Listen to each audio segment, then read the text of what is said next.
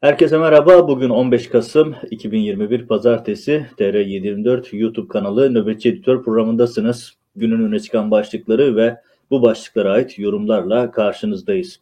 Dolu dolu bir bültenle, çok orijinal haberlerle ve başka yerde bulamayacağınız analizlerle yaklaşık yarım saat 40 dakika kadar beraber olacağız. Gündemde önemli başlıklar var ve hemen başlayalım. Biliyorsunuz Erdoğan rejimi için 15 Temmuz darbesi iddiasının e, temel argümanlarından bir tanesi Birleşik Arap Emirlikleri darbenin patronu olarak gösteriliyordu. Gerçi bu patron duruma göre değişiyor. Zaman zaman Amerika, zaman zaman Birleşik Arap Emirlikleri oluyor ama bugüne kadar 5 yıl boyunca Erdoğan 15 Temmuz'un patronu, mali finansörü, arkasındaki para kaynağı Birleşik Arap Emirlikleri'dir dedi ve bunu Erdoğan medyasınca, Erdoğan'ın siyasilerince yıllardır nakarat gibi tekrar ediliyordu. Erdoğan rejimi son dönemde bunları tekrar etmiyor çünkü ekonomi bozuldu. Paraya ihtiyacı var ve yoğun bir şekilde para arayışı var. Ve bu noktada enteresan bir gelişme var. Sedat Peker'in de Birleşik Arap Emirlikleri'ne gidip orada rejimi sarsan videolar ve tweetler atmasıyla birlikte Birleşik Arap Emirlikleri olan ilişkileri farklı bir denkleme girdi. Ve artık final noktaya gelindi. Geçtiğimiz Ağustos ayı içerisinde Erdoğan, Birleşik Arap Emirlikleri'nin güvenlik danışmanıyla ki önemli bir isim, e, Şeyh ailesinin önemli isimlerinden birisiydi. Onunla yaptığı görüşme. Arkasından Dışişleri Bakanı Mevlüt Çavuşoğlu'nun görüşmeleri ve nihayetinde Birleşik Arap Emirlikleri Veliaht Prensi Muhammed Bin Zayed El Nahyan Ankara'ya geliyor ve Erdoğan'ın sarayına çıkıyor. Düz baktığımız zaman 15 Temmuz'un patronu dedikleri kişi sarayda ağırlanıyor. Tabi bu durumda 15 Temmuz'un patronu kimdi? Erdoğan gerçekte ne yaptı? 15 Temmuz'da Birleşik Arap Emirlikleri'nin rolü var mıydı yok muydu sorularının bir anlamı yok. Çünkü Birleşik Arap Emirlikleri'nden para gelecek. Erdoğan'ın paraya ihtiyacı var. Ve dolayısıyla 15 Temmuz Birleşik Arap Emirlikleri söylemlerinin hepsi çöpe atıldı. Hani kimse 15 Temmuz'da ne yaptınız, e, yüz binlerce insanı mağdur ettiniz, 5 yıldır aynı rakarı tekrar ediyordunuz. Ne oldu buna? Hani Birleşik Arap Emirlikleri Veliaht Prensi Nahyan Erdoğan'ı devirmeye çalışmıştı. Bizi 7-24 bu hikayelerle aldattınız, anla, uyuttunuz. O senaryolar ne oldu diyecek bir seçmen kitlesi yok Erdoğan için. Ama biz bu önemli gelişmeyi aktararak bültene başlamış olalım. Peki ajandada neler var? Ee, önce şunu da hatırlatalım. Görüşme önümüzdeki hafta planlanıyor. Ee, Ankara'dan Reuters'e yapılan bir takım açıklamalar ki haberin orijinali Independent Türkçe'nin özel haberi. Ee, arkasından Reuters'te e, bir takım e, Ankara kulisleri vardı. Orada da işte Özellikle ekonomik konuların ajandanın ön planda olacağı bir görüşmeden bahsediliyor. Tabii Erdoğan için ekonomik konular önemli, aynı zamanda Sedat Peker de önemli. Çünkü Sedat Peker Birleşik Arap Emirlikleri'nden Erdoğan'ın tahtını sarsıyor. Erdoğan'ın etrafındaki suç yapılanmasına dair önemli ifşaatlara devam ediyor. Bu da önemli başlıklardan birisi olacak. Bakarsınız yarın bir gün Sedat Peker oradan da ayrılmak zorunda kalabilir. Çünkü Veliaht Prens'in saraya çıkması, Erdoğan'la görüşmesi ilişkilerdeki en üst seviyeyi gösteriyor. Tabi aynı zamanda dediğim gibi Erdoğan'ın paraya ihtiyacı var. Özellikle de Birleşik Arap Emirlikleri'ndeki sermayeyi Türkiye'ye aktarma bir takım ticari projeler adı altında Türkiye'nin ekonomik sıkıntısını aşma çabaları var. Yani para gelecekse Erdoğan 15 Temmuz'un patronu dediği, 15 Temmuz'un finansörü dediği kişiyle bile sarayda üst düzey görüşmeler yapabiliyor. E, resmi açıklama bu şekilde. Yani ekonomik ilişkileri toparlamaya çalışıyoruz, yıpranan ilişkileri toparlamaya çalışıyoruz diyor dışişleri kulisleri, dışişleri kaynakları ama nihayetinde şöyle durup baktığımızda karşımızdaki tablo şu. Erdoğan 15 Temmuz'un finansör olmakla suçladığı, şer şebekesinin parçası dediği ve Libya'dan Suriye'ye, Katar'a birçok konuda ters düştüğü Birleşik Arap Emirlikleri'nin veliaht prensini, Nahyan'ı sarayda ağırlıyor. Bir bakıma 15 Temmuz'un patronu sarayda. Gerçekten de 15 Temmuz'un patronu sarayda aslında ama Erdoğan rejimine göre de sarayda olan, sarayda olduğu, 15 e, Temmuz'un patronu olduğu iddia edilen kişi saraya çıkmış oluyor. Gelişmeleri takip edip analiz edeceğiz ama bu Erdoğan'ın yaklaşık 20 yıllık iktidarı boyunca yaptığı sayısız dönüşlerden, manevralardan sadece bir tanesi. Erdoğan duruma göre, ihtiyaca göre çok hızlı manevra yapabilmesiyle bilinen bir siyasetçi. Kıvraklığı gerçekten takdire şayan. Bu da onlardan bir tanesi. Yeter ki para gelsin, yeter ki ekonomik sıkıntının önü açılabilsin, sıkıntı aşılabilsin. Erdoğan bu noktada herkesle işbirliği yapabileceğini bir defa daha göstermiş oldu. Bu gelişmeleri takip edip Sedat Peker gündemine de etkilerini tabii ki önümüzdeki bölümlerde, yayınlarda aktarmaya, anlatmaya devam edeceğiz. Yine Türkiye ile alakalı önemli bir gündemle devam edelim. Biliyorsunuz Türkiye Tribunal 20-24 Eylül'de Cenevre'de çok önemli bir oturum gerçekleştirdi. O oturumlar serisinde Türkiye'de işlenen insanlığa karşı suçlar tek tek şahitleri tarafından anlatıldı. Halk Mahkemesi önemli bir mahkeme. Dünyanın gözü önünde Türkiye'de yapılan işkenceler tek tek kayda geçirildi, anlatıldı, şahitleri anlattı. Önemli yargıçlar toplantıları izledi, raporlaştırdı ve şimdi onların hepsi Avrupa Birliği'nde gündemde. Ve e, Avrupa Parlamentosu İnsan Hakları Komitesi'nde bugün Türkiye'deki insan hakkı ihlalleri ve Türkiye Tribunal'ın nihai kararları anlatıldı. Profesör Lanöte ve Türkiye raportörlerinden Perilli, Türkiye'de adalet erişim ve yargı bağımsızlığı konusunda komiteye hitap ediyor. Ee, şu an yanlı olarak yayınlanıyor. Gün içerisinde YouTube kanalımızdan da, YouTube TR24 YouTube kanalından da bunları takip edebilirsiniz. Çok önemli açıklamalar var. Bunların Avrupa Birliği'nin e, İnsan Hakları Komitesi'nde dile getiriliyor olması da çok çok önemli. Çünkü biliyorsunuz e, bir sonraki aşama insan hakları e, konusunda özellikle yapılacak olan mahkemelerde Avrupa Birliği'nin desteği çok önemli. Avrupa Parlamentosu'nun desteğiyle yapılacak olan başvurular Türkiye'nin uluslararası arenada işlediği suçların mahkemeler önünde hesap vermesi konusunda son derece önemli bir aşamaya işaret ediyor. Tabii bu oturumlarda, bu sunumlarda Çok, birbirinden değerli sunumlar, eleştirel ve dürüst bir e, paylaşımlar var. Özellikle e, Türkiye'de yaşanan insan hakkı ihlalleri, hakimlerin, savcıların tutuklanması, işkenceler ve e, bu noktada atılması gereken adımlar, hakim savcıların tutuklanması, 15 Temmuz'a dair e, yapılan e, işkenceler ve 15 Temmuz sonrasında yaşanan insan hakkı ihlalleri tek tek Avrupa Parlamentosu bünyesinde kayda geçiriliyor. Bu çok önemli bir gelişme. Hatta Türkiye Tribunal Koordinatörü Lanotte diyor ki Magnitsky yasası uygulanmalı. Bu, bu şu açıdan çok önemli. İnsan hakkı ihlallerine karışan ülkeler, şey, şirketler Magnitsky yasası biliyorsunuz Amerika tarafından Rusya'ya karşı çıkartılan bir çalış, e, yasaydı. Bu yasa uygulanması e, talebi var. Bu çok önemli çünkü Türkiye'nin en büyük ticari partneri Avrupa Birliği ve eğer Avrupa Birliği Magnitsky yasalarını Türkiye'ye karşı uygularsa bu Türkiye'de Erdoğan rejiminin canını fena halde yakacak bir gelişim olur. Bu talep var, bu önemli. Ayrıca Uluslararası Ceza Mahkemesi'ne yapılacak olan başvuru öncesinde Avrupa Parlamentosu'nda bu konunun konuşuluyor olması son derece önemli bir gelişme. Buradan hararetle tavsiye ediyorum. YouTube kanalından, Türkiye Tribünü'nün kendi sayfasından da TR24'ten de izlemeniz mümkün. Çok önemli değerlendirmeler, çok önemli analizler var ve Türkiye'nin uluslararası arenada işlenen suçlarla ilgili e, mahkumiyeti, cezalandırılması konusunda önemli bir aşama daha geçilmiş oldu. Bu gündemde aktarmış olurum. Gündeme yine iç politikayla devam edelim. Biliyorsunuz son günlerde iki önemli başlık var. Bir tanesi CHP'nin kapatılması tartışması. Daha doğrusu saraydan üretilen ve yandaş medya eliyle köpürtülmeye çalışılan gerçekte böyle bir gündem olmasa da böyle bir gündem varmış gibi yapılıyor. Köpürtülmeye çalışılan CHP'nin kapatılması tartışması. Bir diğer konu da %50 artı bir tartışması. Aslında ortada bir tartışma yok. Sarayın ihtiyaçları var. Her iki konuda sarayın ihtiyaçlarına tekabül ediyor.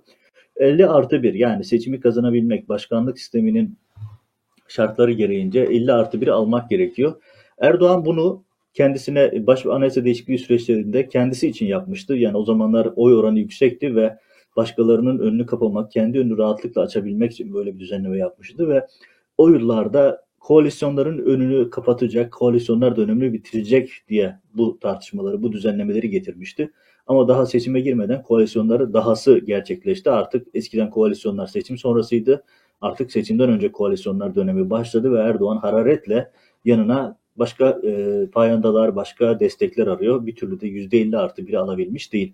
Kaldı ki hem MHP'den hem Büyük Birlik Partisi'nden hem diğer iktidar bileşenlerinden, perinçekçilerden Erdoğan'ın yanından ayrılma emareleri de her geçen gün artıyor.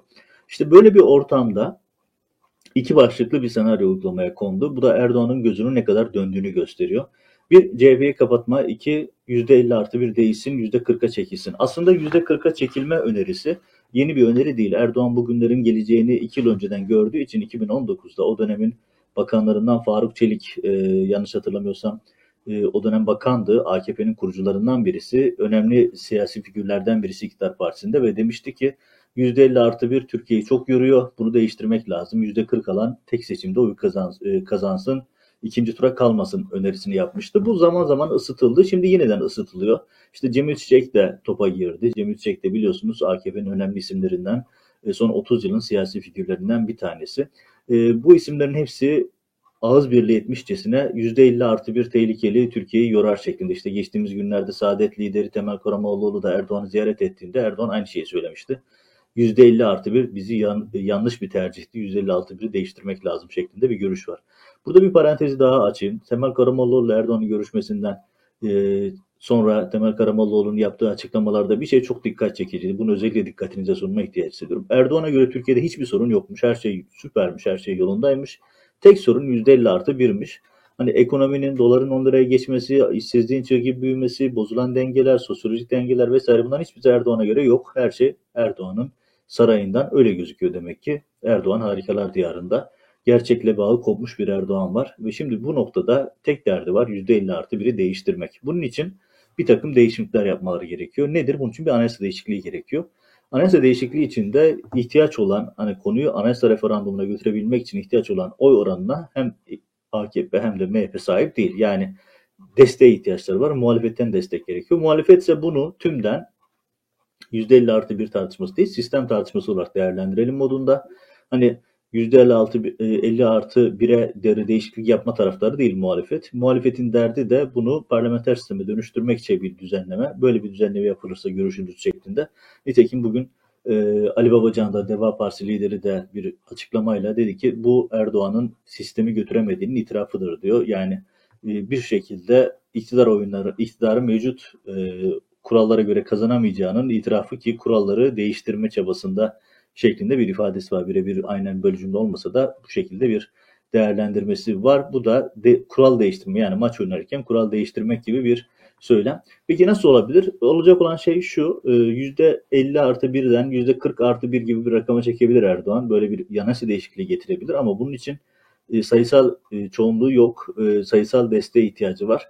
360 imzanın gerekiyor. 360 imzadan sonra anayasa referandumu gerekiyor. Eğer bu olursa ki şu anda imkansız gibi bir durum olursa bu da önümüzdeki ilkbaharda olması planlanan Erdoğan'ın senaryolarından bir tanesi olarak önümüzde duran baskın seçimin olmayacağı ve seçimin 2022 sonbaharına kalacağı ki anayasa değişikliğinin sürecine bağlı olarak belki de 2022 ilkbahar 2023'ün ilkbaharına kalacağı şeklinde bir takım e, senaryoları da gündeme getiriyor. Bu bir olasılık. Erdoğan'ın kafasındaki diğer senaryo daha tehlikeli bir senaryo. CHP'yi kapatma senaryosu. CHP'yi kapatma ile ilgili gündem saraydan pişirildi belli. Bu konuda önce Mehmet Barlas ki ömrü hayatı boyunca Yalakalığın kitabını yazmış bir isim. İktidara geldiği her başbakanı desteklemesiyle meşhur olan bir isim biliyorsunuz. Aile olarak da böyleler. Yani ki oğlu, eşi vesaire hepsi e, bu konuda kırılmaz bir rekora sahipler. Kim gelirse onu en büyük yalakası oluyorlar. Şimdi aynı hızda devam ediyorlar. E, bu yazılarının da aslında Barlas'ın hasta olduğu ve bu yazılarını kendi yazmadığı söyle, kulisleri de medya kulislerinde konuşulan bir şey. Bu yazıların da saraydan yazdırıldığı yönde bilgiler var. Özü ne? Özü şu. E, CHP kapatılabilir, bakarsanız seçime giremeyebilir şeklinde. Bunun için gerekçe üretilen şey, bunun için gerekçeye ihtiyaç yok. Saray yargısı gerekçe üretme konusunda mahir, her an her şeyi yapabilir. Arkasından Nagihan Alçı işte aman kapatılmasın hoş olmaz falan dermiş gibi yapıp aslında bu tartışmayı büyütüyor. En ilginç tartışma ise Atilla Yayla bir dönemin liberal yazarlarından e, ne dediğine bakılan isimlerinden bir tanesiydi. Şu anda Yalakalığın kitabını yazıyor. Gerçekten de son derece vahim bir tablo. E, CHP'nin kapatılması gerektiğini söylüyor ve e, hatta bunu yaparken işte CHP kendini feshetsin, bizi de uğraştırmasın meali ifadeleri de var. Son derece yazık, son derece vahim açıklamalar bunlar. Peki Erdoğan bunu niye yapıyor? Erdoğan şundan yapıyor. Bir kere ne yaparsa yapsın seçimi kazanamayacağını görüyor. O yüzden şartları değiştirip, o yüzden ortamı değiştirip seçimi kazanabilecek hale getiriyor. Bu ara şunu da hatırlatalım. Erdoğan dün Çanakkale'de de benzer bir ifade kullandı. Dedi ki bunlara iktidar bırakılmaz. Yani adam daha ne desin bilmiyorum muhalefetin uyanabilmesi için. Bunlara iktidar bırak. Bakın bir taraftan CHP'yi kapatmayı konuşturtuyor. Bir taraftan seçim sisteminde değişiklik konuşturuyor. Bir taraftan da ne yapıyor? Bu taraftan da diyor ki bunlara iktidar teslim edilmez. Yani sandıktan çıksanız bile size iktidarı vermeyeceğim diyor. Böyle bir realiteyle karşı karşıyayız ve Türkiye gerçekten e, enteresan ve zor bir sürecin içerisine girmiş durumda. CHP ile ilgili tartışma işte CHP ile ilgili kapatma davası açıp e, bu tartışmayı büyütürken baskın bir seçime gitmek gibi hedefleri de var. Ama CHP'yi kapatmak e, Erdoğan'ın boyunu aşacak bir konu. Onu da ifade edelim. CHP, HDP ya da işte e, Gülen cemaati değil. E, onları ezersin. Kimse sesini çıkarmaz. Çünkü onlar rejimin zaten e, ötekileştirdiği kişiler ama CHP e, meselesi başka bir parti gibi değil ve şöyle ifade edeyim hani CHP'yi kapatmaya çalışmak Erdoğan'ın da boyunu aşacak bir konu olur. Ben böyle bir şey yapacaklarını düşünmüyorum ama bu tamamen Erdoğan'ın e, bir şekilde e, seçim sürecinde yaptığı e, manipülasyonlardan bir tanesi olarak önümüze düşmüş durumda. Buradaki en tehlikeli boyuta gelelim. En tehlikeli boyutta yine Erdoğan'ın düşüncesini yansıtan ama Erdoğan adına değil Erdoğan'ın tetikçilerinden, Erdoğan'ın sözcülerinden yapılan diyelim açıklamalar. Bunlardan bir tanesi eski AKP'li ve, ve şu anda Akşam Gazetesi yazarı Hüseyin Beşli, Besli. Bu ara şu notların da altını çizelim. Ee, bir takım isimler yani hiç okuyucusu olmayan, ne yazdığına kimsenin dikkat etmediği bir sürü isim var. Bunlar iktidar tarafından, saray tarafından böyle gazetelere dağıtılıyor. İşte Akşam Gazetesi'ne Hüseyin Besli yazar yapılmış. Yazılarını Allah bilir kimse okumuyordur. Ya da okuduklarında işte bu tip haberlerden sonra önce okuyorlardır. İşte sağda solda İsmail Kılıçaslan gibi, Hüseyin Besli gibi ya da bir sürü eski AKP'li hürriyete yazar yapılanları zaten biliyoruz yayın yönetmeninden yazarlarına kadar. Ee, nerede kıyıda köşede kalmış kimsenin yüzüne bakmadığı isimler yazar olarak buralara dağıtılıyor. İşte Hüseyin Besli'nin kısmetine de Akşam Gazetesi düşmüş. Akşam Gazetesi'nde yazısında diyor ki Alevlere ve Kürtlere yönelik ağır hakaretler var ve Kılıçdaroğlu'na hedef alıyor ve Alevi ve Kürt çocuklarının yalancı olduğunu, yalancı olarak yetiştirildiğini iddia ediyor. Şimdi bu deli saçması şeyleri size aktaracak değilim. Zihninizi kirletmeme adına bunları özetleyecek değilim. Ama burada yapılacak olan şeye dikkatinizi çekmek istiyorum. O da şu. Kılıçdaroğlu performansını yükseltiyor. Her geçen gün etkisini arttırıyor. Siyasette Erdoğan'ı e, Erdoğan'ı daha da zorluyor. Ve bu noktada Erdoğan'ın hedefi Kılıçdaroğlu'la Cumhurbaşkanlığı yarışında Tabii Erdoğan'ın sağlığı izin verirse çünkü sağlığının o günlere kadar bu yarışta kalıp kalamayacağı konusunda ciddi soru işaretleri var biliyorsunuz. Sağlığı el verirse, şartlar devam ederse ki bence zayıf bir ihtimal Erdoğan sağlığı ile ilgili sinyaller giderek bozuluyor. Böyle bir ortamda Kılıçdaroğlu'la yarışmak isteyecektir. Çünkü Erdoğan'ın tam da sevdiği bir tip. Nasıl?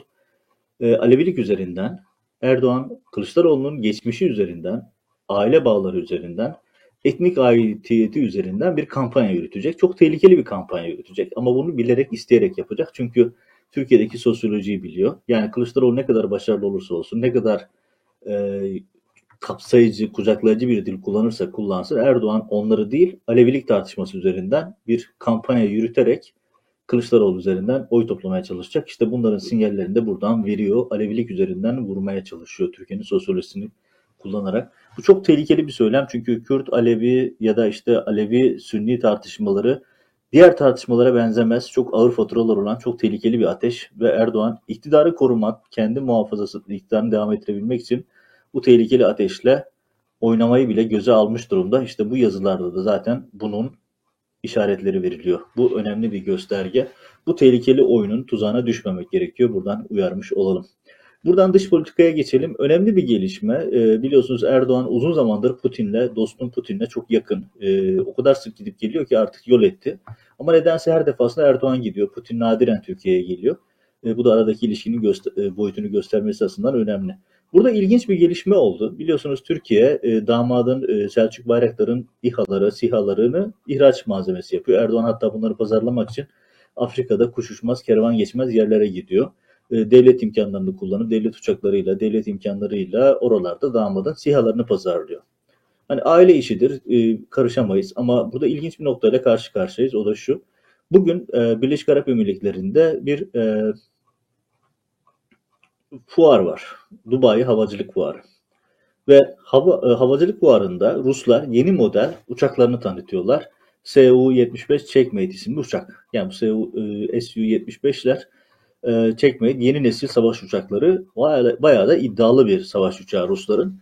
Ve bu savaş uçağını biliyorsunuz Türkiye almak istiyor. Daha doğrusu alır mı almaz mı belli değil. Amerika'ya karşı kullanıyor bunu. Siz vermeseniz oradan alırım şeklinde bir yaklaşımı var. İşte Ruslar bugün e, Birleşik Arap Emirlikleri Dubai'deki bu e, fuarda ilginç bir çıkış yaptılar. Uçağa tanışan reklam filmini yayınladılar ve reklam filminde bakın hedef kim? Selçuk Bayraktar'ın sihaları. Şimdi bu Erdoğan'ı hedefe koymak demek. Çünkü Selçuk Bayraktar demek Erdoğan demek. Peki Erdoğan'ı hedefe neden koydu Ruslar? Son derece ilginç bir mesaj. Hani Rusların Erdoğan'la ilişkilerinde bu çok belirgin bir özellik. Erdoğan ne zaman Moskova'nın canını sıksa hemen sümen altından bir tane Erdoğan aleyhine dosya çıkıyor ya da Erdoğan'la ilgili suçların bir kısmının kapağı açılıyor. İşte IŞİD'de petrol ticareti gibi konuları daha önce Ruslar ciddi ciddi gündem yaptılar. 15 Temmuz dahil olmak üzere değişik başlıklarda hazırladıkları kalın dosyalar olduğu biliniyor.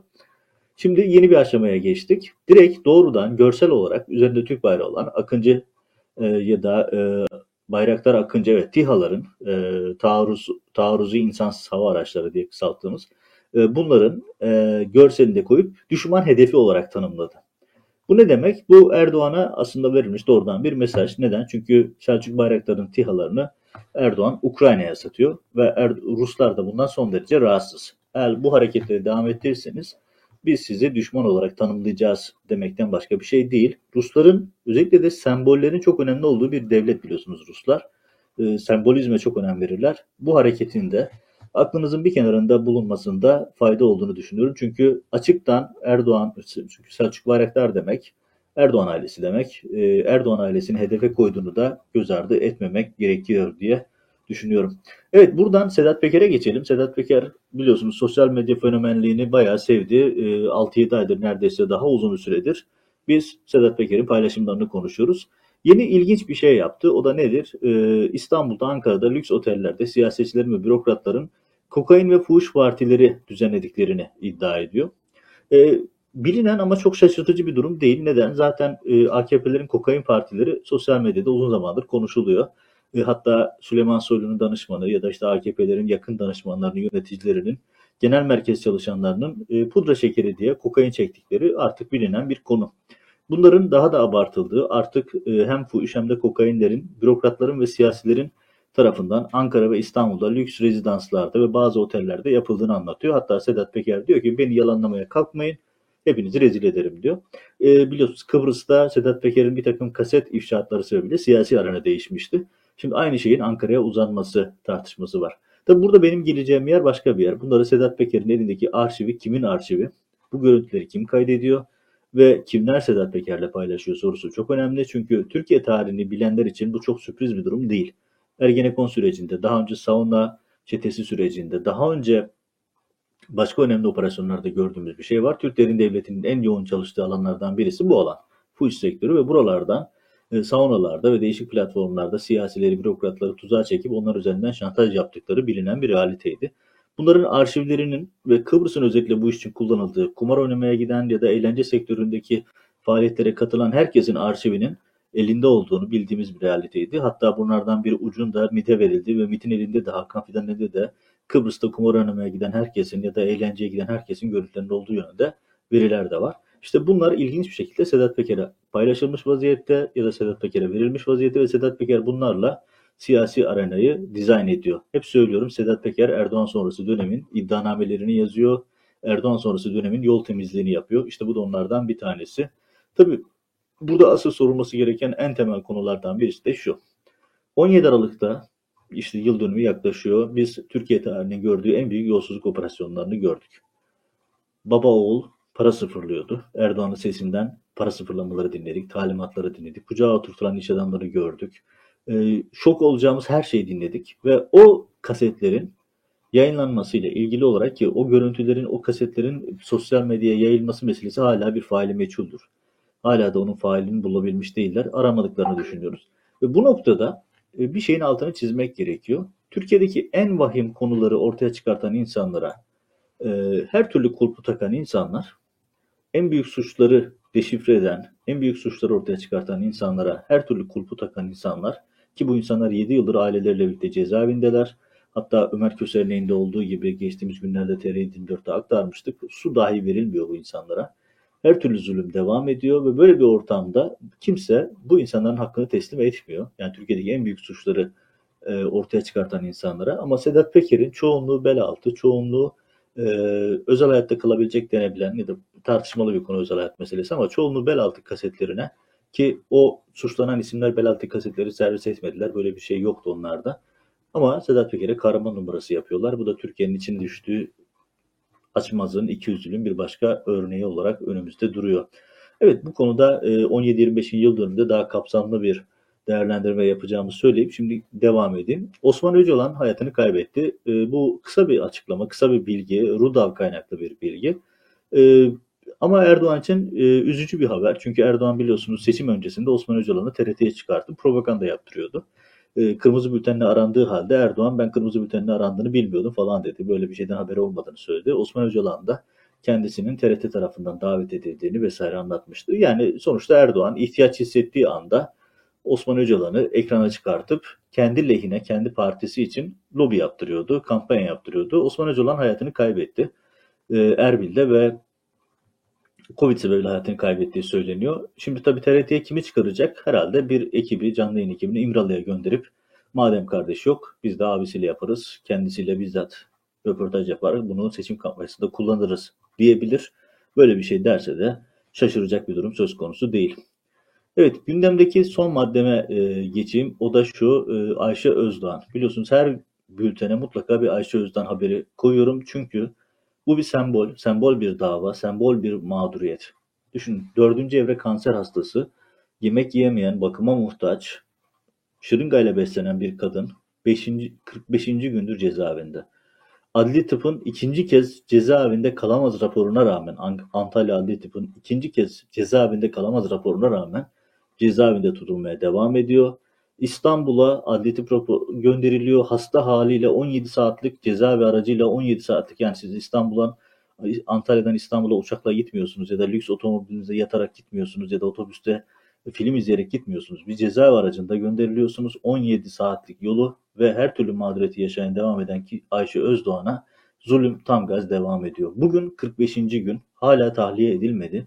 Adım adım cezaevinde herkesin gözü önünde öldürülen bir isim Ayşe Özdoğan ve en son kardeşinin bir ifadesi var. Onunla bitireyim. Ayşe Özdoğan'ın ablası Emine Özdoğan, Emine Erdem pardon, e, son görüşmeyle ilgili bir açıklamada demişti. Görüşmemizin yarısı ağlamakla geçti.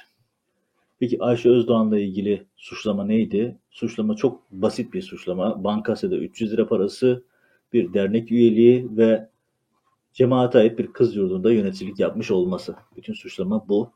Hiçbirinin suç olmaması gerekiyor. Hiçbirinin yargılama konusu olmaması gerekiyorken Erdoğan rejiminde suçlarını örtmek için hayali örgütler ürettiler ve bu insanlara bu şekilde sistematik işkence tam gaz devam ediyor. Dördüncü evre kanser hastası kendi başına bile beslenemeyecek kadar ağır durumda ve böyle bir durumdayken 45. gününde yine cezaevinde. Ve cezaevinden hastaneye ve adli gidip geldiği için de karantina koğuşunda tek başına tutulmaya devam ediyor. Evet herkesin gözü önünde Ayşe Özdoğan öldürülüyor. Evet bu bültene de bu haberle son noktayı koymuş olalım. Ama Ayşe Özdoğan'ın gündemini takip edip özgürlüğe kavuşması için gündem yapmaya devam edeceğimizi de buradan iletmiş olalım. Evet bugün yani 15 Kasım 2021 tarihli TR24 Nöbetçi programında benim gündeme seçtiklerim başlıklar özetler halinde bu şekildeydi. Yeni programlarda görüşmek üzere.